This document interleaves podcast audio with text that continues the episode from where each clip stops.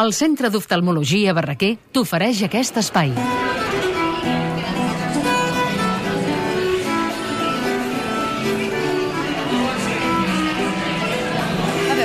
De situar ara, perquè estem al Renaixement, eh, al segle XVI. Imaginem-nos un gran banquet amb el millor beure i el millor menjar.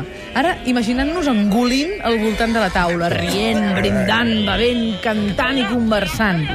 De la filosofia més elevada a l'escatologia més barruera. Així és, Gargantua i Pantagruel, de François Rabelais, un clàssic de la literatura francesa que narra la història de dos gegants, pare i fill, i les seves aventures satíriques i hilarants. Aquest Sant Jordi s'ha editat per primera vegada en català, tot un esdeveniment per convidats com el que ens acompanyen avui. Són l'Enric Vila, periodista i escriptor, benvingut. Hola, bon dia. La Laura Borràs, que és professora de literatura de la Universitat de Barcelona, benvinguda també. Hola, què tal? Bon I dia. Pere Tàpies no et diré benvingut bon- perquè això és casa bon dia, teva. Bon dia, bona hora, tornem-ho dir, tornem-ho dir, bon dia. A veure, Gargantua i Pantagruel eh, segurament a molta gent els hi sona d'alguna cosa, però no acaben de situar-ho, més enllà d'un menjar pantagruèlic que d'algun lloc ha de venir, no? Però vosaltres diríeu que aquesta és una de les grans novel·les de la literatura universal? Bueno, eh, és, a mi és un dels llibres que més m'ha agradat de tots els que he llegit, això és evident. També és un llibre que crec que lliga molt amb nosaltres, és a dir, de celebració de la vida per la vida, no? És a dir, que això és una cosa molt catalana, em sembla a mi.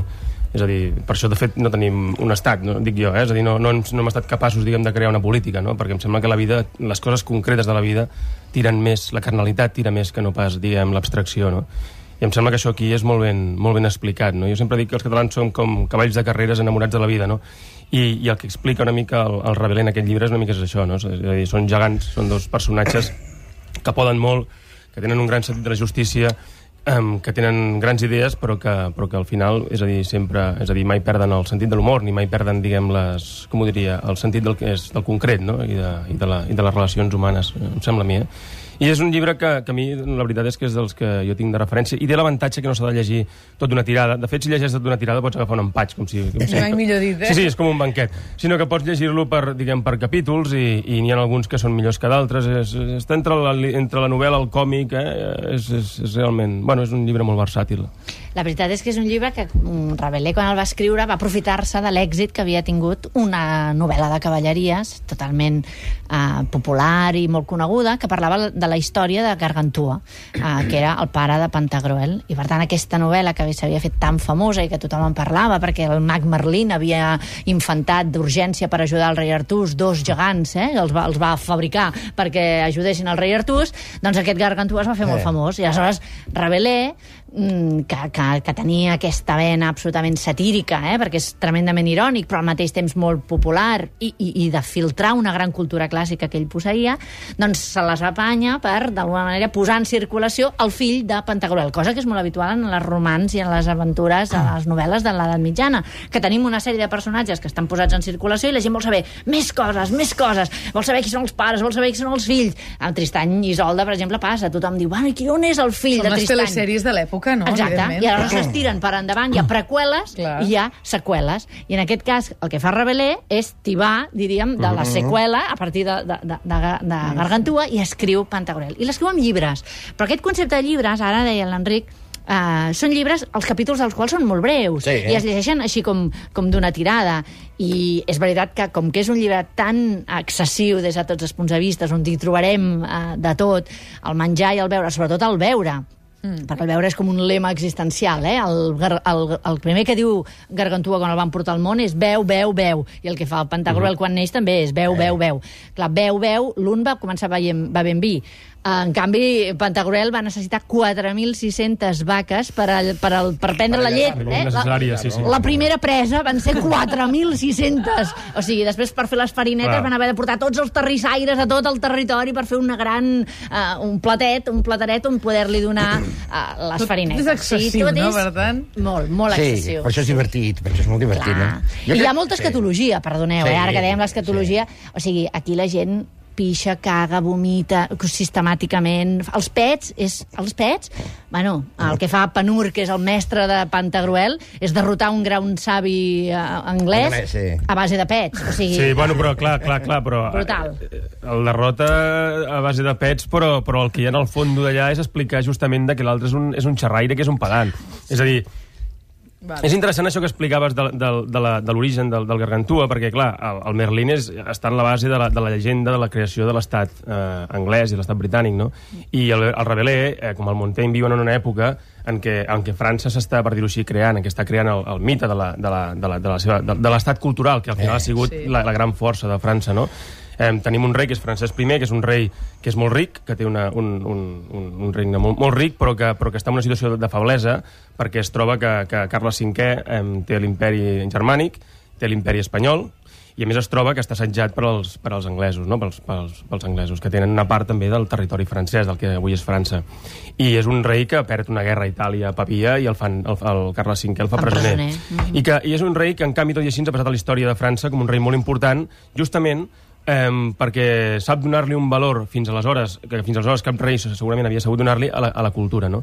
I Rabelais i Montaigne són dues de les espases aquestes que, que diguem que fundacionals no? de la- de l'estat francès. Vull dir que és curiós que, clar, és a dir, que el Rabelais segurament ja sabia què és el que estava fent allà, no? Una mica... Sort en va tenir RBL de Francesc I, Dient, perquè si Merlin, va fer, esclar, si Merlin va fer dos gegants, nosaltres en farem dos més, però a més a sobre seran molt més divertits. I, i, i, i Rabelais, però llavors, això el que volia dir, Rabelais combina dues coses molt franceses. D'una banda, aquesta cosa de la celebració de la vida, de que a França s'hi ha de poder viure amb sabatilles, és a dir, a França és allò un gran jardí i, i tot ha de ser abundant i tot ha d'anar bé, però de l'altra, el pensament, el, el, el, el, és a dir, la, la recerca de la veritat, que és una cosa que, que, que, que també a França, diguem, l'han tingut, no? Ha la, la, tota la línia de Descartes i tot això, La raó. filosòfica, la, de la raó. La raó. I, i no, ho dic per això de la discussió aquesta de Panur, perquè a mi és un, és un episodi que a mi em va impressionar molt. És a dir, ve un anglès que té una gran fama d'erudit i, i, tenen, i, i, ha- i vol tenir un debat amb el, amb el, que és amb el Pantagruel. Sí. I Panur li diu, Panur, que és el, és el bandarra, diu, tranquil, diu, tu no, cal- tu no, cal- tu no cal que, que, que Ja, t'embrutis les mans. jo, aquí estic ja jo. ho faig jo.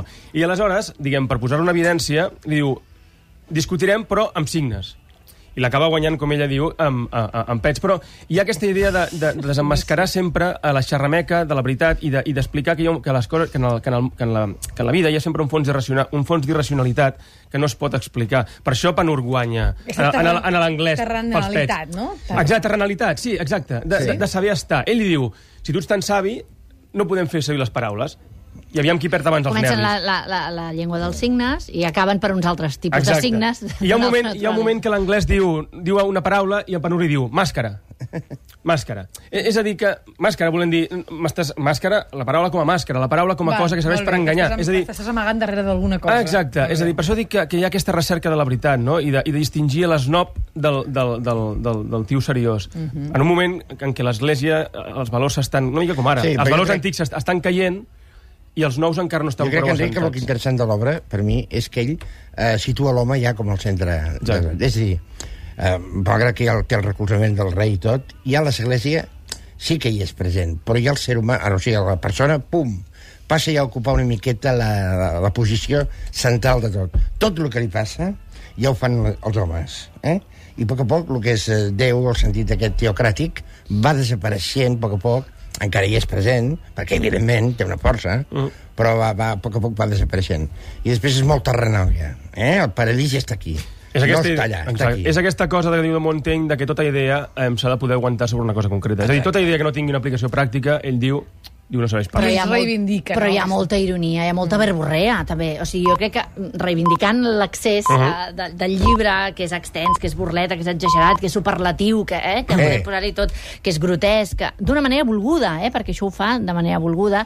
Imagina't si l'Església és present, que ell era frare, i després va tenir la dispesa papal, i finalment es va acabar Sí, però casant. he dit una cosa, I- molta gent tenia que tenir estar a l'església perquè era allò on la gent adquiria cultura. És a dir, I era la plataforma. Evidentment. La tenir una cultura de l'església. Però que això molestava l'Església, lògicament, perquè fixa't que acaba, a- el Sí. Gargantú acaba salvant a la població i com a recompensa Sí, el rei final- li dona una sí, abadia. però, eh, que al final em sembla que ell parla de l'església, eh, que sí. Però pensa que és l'abadia Ja, eh, aquesta, ja l'abadia de Telem, Sí, diu, Telem. la, la, la màxima és fes el que vulguis. Que això és Sí. tot el contrari de l'Església, que et Sí. diu exactament les normes i el que s'ha de fer i el com s'ha de fer. O sigui, és el lema que és... Per això el que deia ell de, el de, que de, l'home- voldràs. de posar l'home al centre... ja com al centre de tot, no? Que en el fons no és una, una, de ser una, una, una burla de- de- d'allò del coneix-te tu mateix, em sembla, eh? Del, Oh. dels grecs, eh? Jo diria que no deixa de ser una burla també de d'això. l'oracle de Delfos. Exacte, de dir el coneix-te tu mateix, eh? Fes el que vulguis. Vull És fes que- el que vulguis. I, aquest, i el, en l'entrada en, l'entrada del Sí. llibre, que s'adreça als lectors, ell va dient, amics lectors, que, els llibre, que el llibre llibre el llegireu, allibereu-vos a qualsevol passió, veus? en llegir-lo no us escandalitzeu, perquè, clar, la, la primera dimensió del text és la de l'escàndol, eh, diríem. No conté cap mal o infecció, és a dir, no prendrem mal des d'aquest punt de vista. És ben cert que aquí poca perfecció podeu aprendre, si no és el cas de riure. És a dir, el, el que ell fa és un elogi del riure. Acaba dient, dient això, i és que és propi de l'home riure. És a dir, Però és l'elogi del riure. El que és clar és que en el moment en què s'escriu i on es relaciona eh, els escrits precisament i els llibres amb, amb, amb cultura i amb un cert nivell, mm. que el llibre que s'escrigui contingui aquest tipus de, de literatura, suposo que és el que fa Clar, que hi és hagi un aquest xoc frontal, cables. no? O sigui, aquí hi ha Virgil, "Ostres, aquí hi ha l'Odissea, hi ha una paròdia de Sí, l'Odissea, exacte. hi ha Aquest home, Plaute, hi ha aquest home és Plini... una, una formació cultural Hi ha- bastant sòlida. home, eh? Sí, hi ha totalment. llatí contínuament apareix per aquí, Sí. i, però tot és com per Sí. fer-ho, per riure. O sigui, els nens Jo- eh, en, hi entren molt per aquesta pena Clar. eh, escatològica. Perquè, fixeu-vos, quan, la- quan el gargantua... Sembla molt bàsic. Quan el gargantua neix, la seva mare es posa de part perquè ha menjat tant que li comença a vessar el cul i ell ac- acaba naixent amb un procés que acaba sortint-li per l'orella. Eh? Sí, per això també dius, jo poso llibres. A la mitologia també ho feia, això, els grecs. Clar. I els fills Bueno, Atenea surt del de les, cap, de les surt de la esquenes, del cuixa. cap, de la, de la Clar, cuixa... eh, efectivament. tot Per això et dic que és una manera de però és un riure, és un riure, perdó, eh, que no, jo no crec que sí, no és, no és un riure nihilista, vull dir, no ho dic perquè potser es, podria, es, podrien, es podrien endur als oients una, una idea equivocada del llibre, en el sentit que no crec que sigui un riure nihilista. És a dir, eh, que, que aquí hi ha, hi ha una gran confiança en l'ésser humà, és a dir, el, el fes el que vulguis, eh, Clar, és absolutament vital. ell el que, el que aquí de tota estona t'està explicant és el pecat està en la mirada. És a dir, la gent fa les coses en funció de la grandària de la seva ànima i de la, i de la, guant, i de la resistència del seu cos. Per això, per això, ell, el, per això els, els, els gegants aquests eh, s'engreixen i s'aprimen. És a dir, a vegades són grans, Enormes. I, enormes, i, amb un, i, i es carreguen un exèrcit, es carreguen un exèrcit només amb un cop de llengua, i a vegades entren en llocs de vegades entren en llocs que són purament humans, és a dir, entren en botigues, en llocs on, on només hi cabria un humà, no? És a dir, que... Però, I la idea sempre és aquesta, de que, de que el pecat està, està en la mirada, no està en el que... O sigui, que si l'ànima ho permet, eh, és que està bé. I que el fons de l'home és bo. No sé si m'explico. Vull dir, No, perquè no, no... sí, exacte, sí, que sí. no és nihilista, és absolutament vital. Per això, per això, que no és un riure... Un que riure no, sa. però, exacte, no, que no és un riure, Però diguem, és una mica l'essència o ressentit. de O... França, una miqueta. França dona aquesta imatge, no? De bon vivant, és d'un bon vivant, És aquest Rabelais. gourma- gourmandisa que té la França. La paraula pantagruèlica passa als diccionaris eh, romànics, de les llengües romàniques, català, el castellà, etc, com a sinònim d'accés. En un banquet, per exemple, diríem que és un menjar pantagruèlic en el sentit de que és eh, doncs desproporcionat, que és desmesurat, perquè la dimensió del mateix pantagruel o de gargantua ja és la dels gegants. Una pregunta, jo us veig Sí. parlar amb aquesta, amb Passió. aquesta passió sobre el llibre que no Sempre, acabo sempre. d'entendre per què s'ha quedat a segona fila dels clàssics per al públic general. Home, Perquè- dir-li ara això a Rebelé que està a segona fila, ara això li ha fet mal, eh? Em sap, em sap greu, però... No, però ella vol dir amb el Vol sentit. dir en general. Sí, Home, home, i tant, el No, gran a A França moment. no ho està, A eh? França no, A eh? casa nostra. A A casa nostra. No no havia- és molt difícil de traduir i en aquest Ah, país les fins ara no costen tingut una traducció. no Aquesta no traducció que ha fet castellà. la ERTES a a l'Emili Olzina ha costat molt, perquè és molt complex traduir un llibre com aquest. En teníem una altra, que era aquella del Molo, que no es podia llegir. Exacte, és que moltes d'aquestes traduccions... A Eren, mi em sap greu pel traductor, eh? Però no. Sí, no, perquè costa moltíssim. A és més un a més, em text... fa la sensació que l'autor no, té la fixació aquesta de no repetir-se mai, no? Per tant, Intenta innovar contínuament. Aquesta barborrea que jo et deia és un domini verbal extraordinari. Imagineu-vos això traduir-ho. És molt difícil. Hi ha, hi ha capítols que són absolutament exercicis Ah. d'estil. Per exemple, es parla dels jocs, eh, ho comentàvem ara abans d'entrar, no? dels jocs de l'època, i aquí el traductor ha hagut de fer mans i mànigues per trobar tots els jocs de Clar. l'època, i des de, tro de trobar la botifarra, el guinyot, la brisca, el baitot, la mona, els 500, les cambrils, set i mig, subestat, rellotge... Doncs són una, dues, tres, quatre, cinc, sis pàgines només de jocs. Sis pàgines de jocs. Pensa que agafar el folclore francès, aquell fol el seu fol folclore de la, francès medieval, és de la una seva època, i, cultural. i, i traduir-lo a- Clar, aquí. has de traduir els jocs a, a, a, en aquella època i en aquella llengua Sí, a pot dir- casa nostra. dir I els jocs de paraules i les bromes Sí, que fa, i- perquè clar. contínuament està fent bromes. Espectacular. I a més a més, molts d'aquests jocs en què tu eh, llegeixes i Encara molts els conec, vius, que els sí. coneixem. Encara Està, està, molt ben tra està molt ben traduït, molt, home. molt ben traduït. Jo he de dir una cosa, una petita confessió. Quan jo vaig a comprar-me... el- Eh, però jo vaig entrar al Rebelé a través d'una traducció d'un amateur, d'un metge castellà, que vaig llegir una mica i em va agradar molt, però no vaig poder... Bueno, era, em brutejava i no... I quan vaig anar a París, em vaig comprar una edició en francès, bilingüe, o sigui que era amb, amb el francès antic i, la, I i el el francès, francès modern, modern, poquet per, fan, per als sí, estudiants. sí. I em va agradar tant que vaig començar a fer una traducció en català per mi, i vaig pensar, bueno, si l'acabes, la presentaràs. Complicat. És molt complicat, eh? impossible. Abandones l'intent, eh? Abandones al final. Però a mi m'anà molt bé. Però vull dir que Clar. aquí era una... I, I jo sempre dic que aquesta traducció per mi arriba tard. És a dir, perquè jo ja me l'he llegit en francès mig... Has hagut d'aprendre francès per, per llegir... Vaig aprendre francès per llegir Rabelais i per llegir Proust. Això- sempre ho dic.